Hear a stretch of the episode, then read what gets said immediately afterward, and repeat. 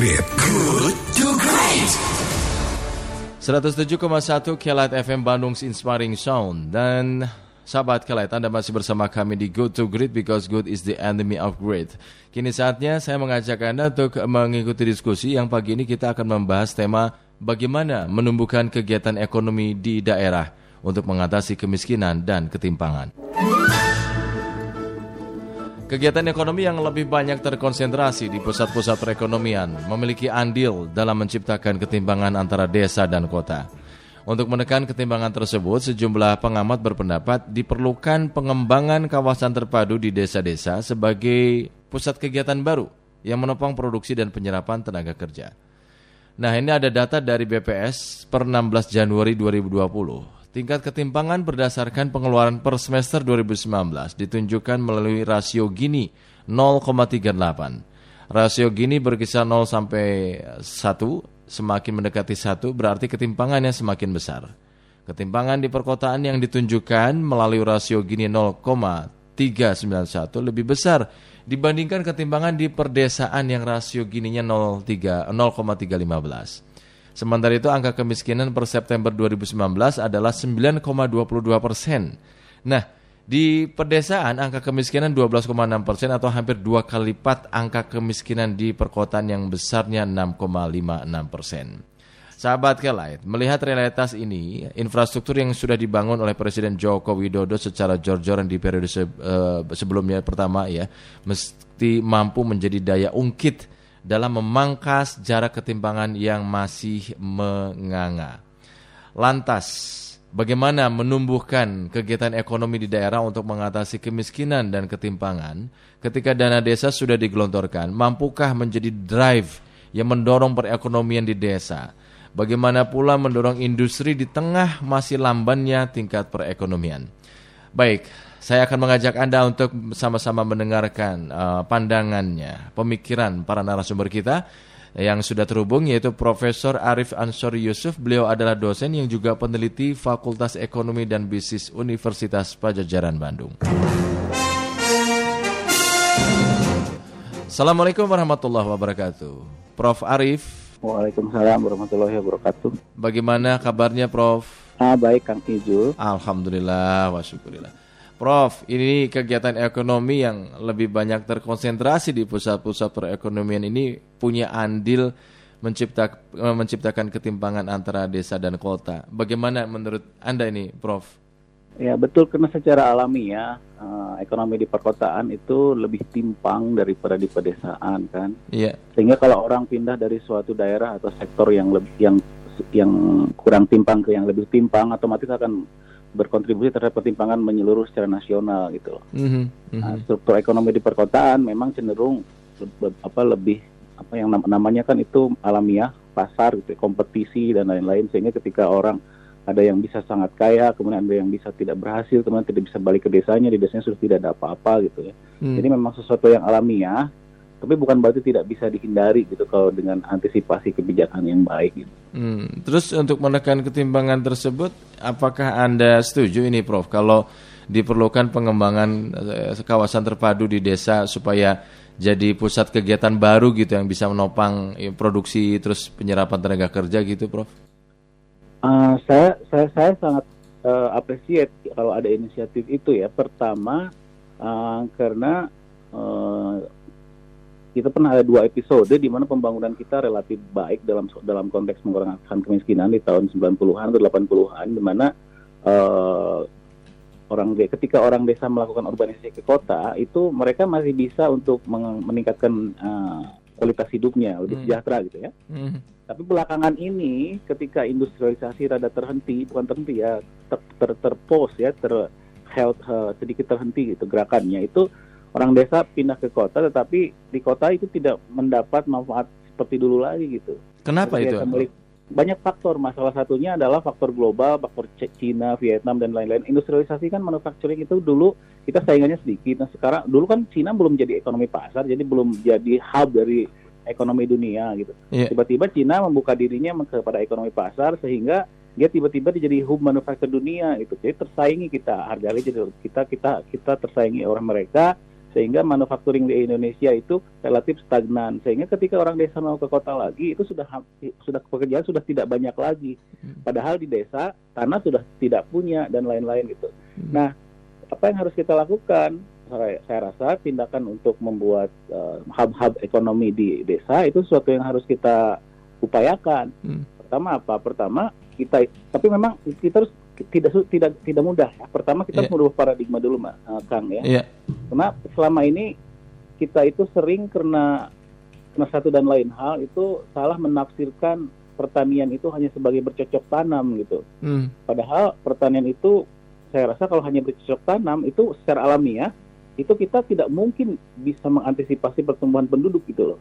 Yeah. Karena di desa itu kan tanah tetap, orangnya itu tambah banyak gitu ya. Hmm. Kalau orangnya tambah banyak, lahannya tetap sementara produktivitas pertaniannya sedikit begitu-begitu aja ya yeah. artinya kalau bahasa Sundanya mengolah sesuatu yang semakin lama semakin sedikit gitu kan mm. jadi ya wajar aja kalau di desa miskin terus cobalah kan kan orang gitu, penduduk-penduduknya bertambah banyak yeah. lahannya nggak bisa bertambah banyak gitu ya. yeah, yeah. ya jadi ketika lahannya tetap gitu ya apalagi dimiliki akhirnya oleh orang-orang kota lepas lepas dari itulah lahan tidak bertambah penduduknya bertambah banyak oke okay? yeah. jadi ya wajar kalau kemiskinan tetap ada di situ sehingga apa yang harus dilakukan kita harus mencoba untuk meredefinisikan pertanian jangan hanya bercocok tanam gitu loh, tapi juga ada sedikit pengolahannya. Nah itu yang gagal kita lakukan. Ini dalam konteks ekonomi istilahnya transformasi pertanian. Jadi agricultural transformation ini tidak berjalan dengan baik seperti di negara-negara lain di hmm. Vietnam. Hmm. Nah dulu itu ada sejarah bagus di Jepang.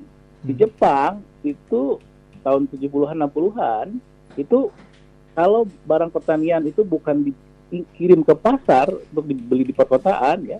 Ini salah satu contoh kecil aja ya. Yeah. di Jepang itu banyak pasalnya yang dibawa ke desa gitu loh.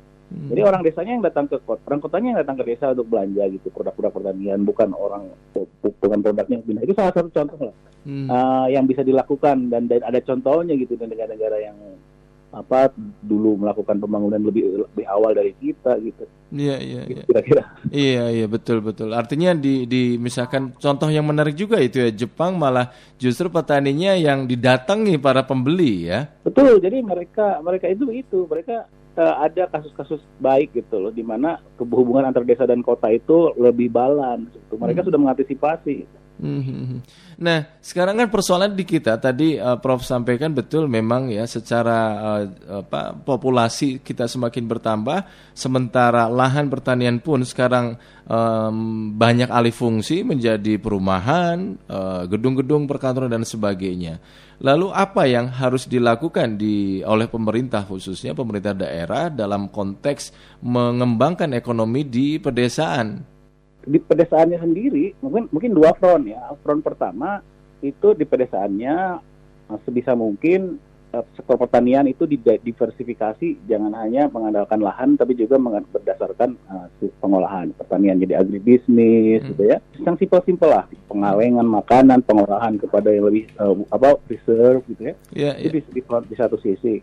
Di sisi lain itu uh, di kota juga kita harus bisa membuat uh, sektor uh, sektor non pertanian ya baik itu manufacturing yang jasa yang ramah terhadap alih uh, orang dari desa ke kota gitu. Jadi jangan sampai orang desa yang sama sekali sudah tidak ada kesempatan nih di desanya ketika ke kota tidak mendapat kesempatan apa-apa malah jadi tukang yeah. uh, apa yang gajinya rendah gitu. Ini juga harus dikelola gitu mm. dua-duanya gitu. Mm. Terus kedua, salah satu caranya untuk menjembatani itu adalah nih yang yang lebih jangka panjang ya itu adalah itu tadi meningkatkan si kualitas pekerja pekerja dari desa ke kotanya gitu. Jadi mereka kalau bisa pendidikannya diperbaiki ya, human kapitalnya lah ya diperbaiki sehingga uh, mereka itu ke kota atau ke kota itu ya mereka dengan mudah gitu bisa dapat pekerjaan. Hmm.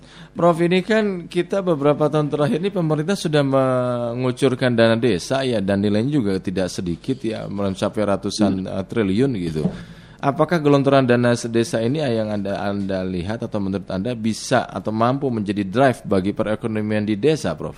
Saya rasa sih bisa saja ya karena uh, walaupun memang ketika kita bicara triliun satu satu, satu sekian triliun saya nggak yakin gitu ya apa hmm. namanya uh, dibandingkan dengan uh, size dari perekonomiannya itu cukup ada impactnya enggak. Hmm, hmm. Cuman saya lihat itu beberapa syarat dari dana desa ini itu banyaknya dilakukan ke infrastruktur-infrastruktur yang sifatnya jangka panjang jadi tidak langsung direct untuk menopang uh, bisnis Gitu. Hmm, hmm. Jadi misalkan gini, uh, selain infrastruktur, infrastruktur- jadi tujuannya itu se- seolah seperti, padat karya lah ya, padat Iya. karya gitu. Jadi Iya.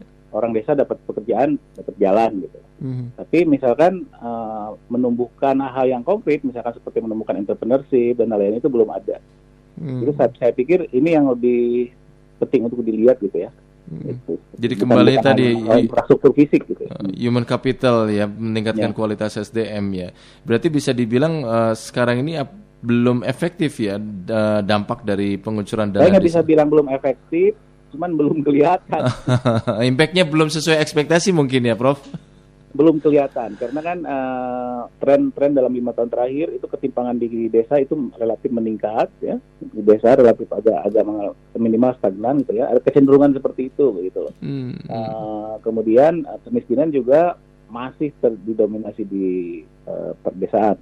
Hmm, walaupun di Jawa Barat memang agak lain kasusnya. Karena di Jawa Barat itu ini ini yang sering orang lupa kalau konteks Jawa Barat kita kan ada di Bandung nih Jawa Barat itu konteksnya agak berbeda nih karena di Jawa Barat itu sekitar 70-an persen orang udah tinggal di desa eh di kota gitu Iya. Ya, Hmm. jadi jadi kemiskinan itu banyaknya di kota bukan fenomena desa lagi. Kalau seluruh Indonesia ya masih di desa. Hmm. Artinya ketika konteksnya kita di Jawa Barat ya, ya kalau misalkan seperti Bandung 70% orang tinggal di kota. Lalu pertanyaannya bagaimana dengan pengembangan di desa-desa ya, Prof ya? Di konteks di kita. Iya iya, 70 persen memang mayoritas, tapi kan Hmm. 30 persen juga ya itu juga sesuatu yang harus kita pikiran juga. Mhm. Cuman jangan sampai misalnya kebijakan-kebijakan pemerintah itu eh, uangnya dikelontorkan ke desa semua, gitu. Sementara urban poor itu diabaikan. Padahal apa? Padahal kan orangnya jangan-jangan sama. Kalau orang desa yang orang kota yang ada di sini yang miskin itu juga sebenarnya mereka dari desa, di, di desa sudah tidak punya apa-apa, datang ke kota tidak dapat apa-apa gitu. Jadi Hmm. artinya mungkin dikotomi desa kota harus lebih blur lah kalau di daerah di, di provinsi seperti Jawa Barat gitu. Jadi jangan jangan didikotomikan lagi. Hmm. Artinya ketika mereka berharap uh, tinggal atau men- mencari uh, nafkah di kota, tapi pada kenyataannya nggak mudah, itu karena di desa tidak ada apa ya, tidak ada uh, iming-iming atau harapan. Lahan gitu. sudah lahan sudah tak punya ya. Yang, yang punya orang kota juga Hmm. gitu. Sementara mereka beranak buka, ber, ya untuk pertumbuhan penduduk bertambah, la- lahannya semakin sedikit. Hmm. Yang mau tidak mau mereka harus keluar. Hmm. Ketika keluar, nah itu yang terjadi. 70% ke kota semua. Iya. Di kota semua tinggal. Nah, di kota sekarang yang dahulu itu disambut dengan hangat oleh sektor manufacturing zaman dulu ya. Ya. Di zaman setelah 2000-an ketika Cina booming, Vietnam booming gitu ya. Hmm. Yang menyambut hangat sudah tidak ada. Hmm. Sehingga apa? Sehingga mereka terserap ke sektor-sektor eh, jasa yang low productivity. Kalau orang pindah ke sektor jasa itu hanya dua ininya, apa namanya efek dia. Dia either sangat sukses bekerja di sektor-sektor perbankan dan finansial itu jasa atau telekomunikasi yang booming ya, atau dia drop ke sektor-sektor informal yang low pay. Hmm.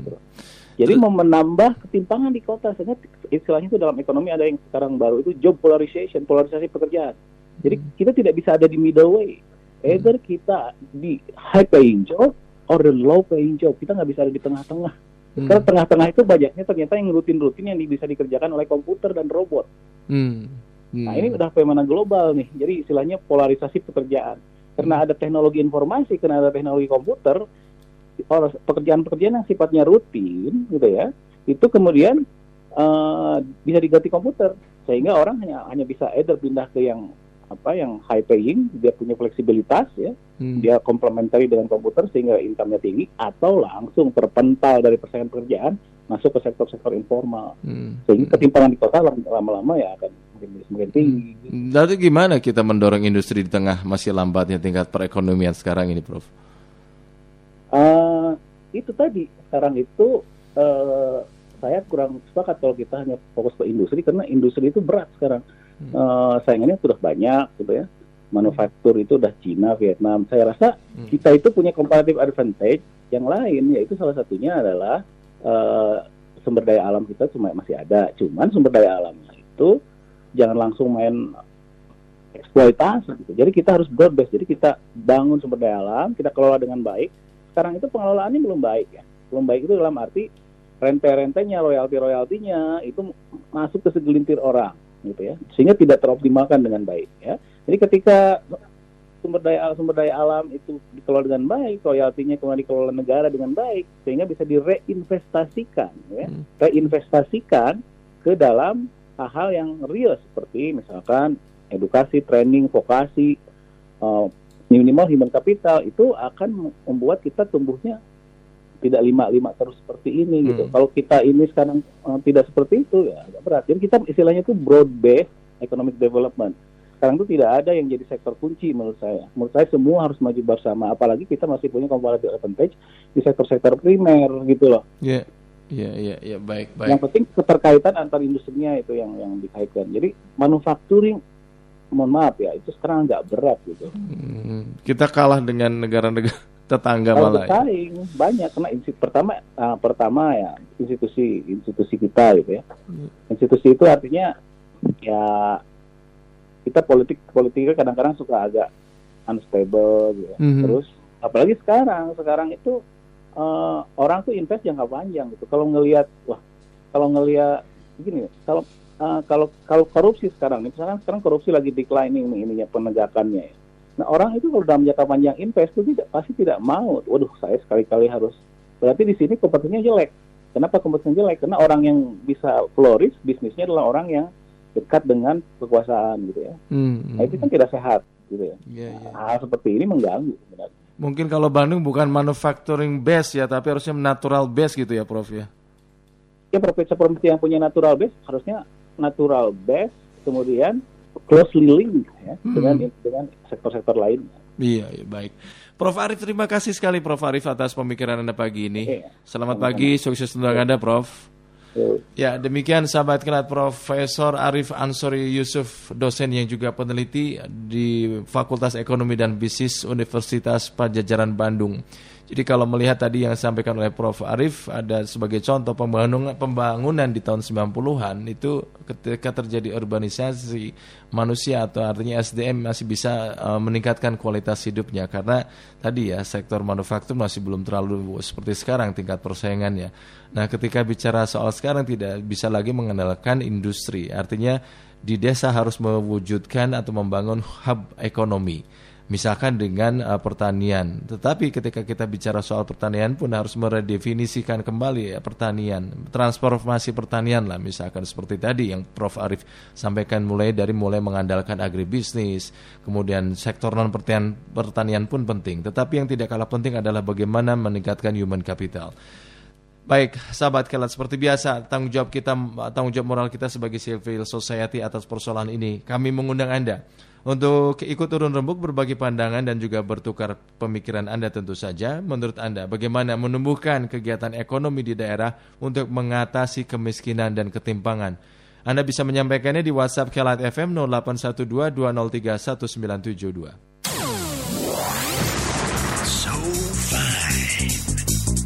to great. Good to great.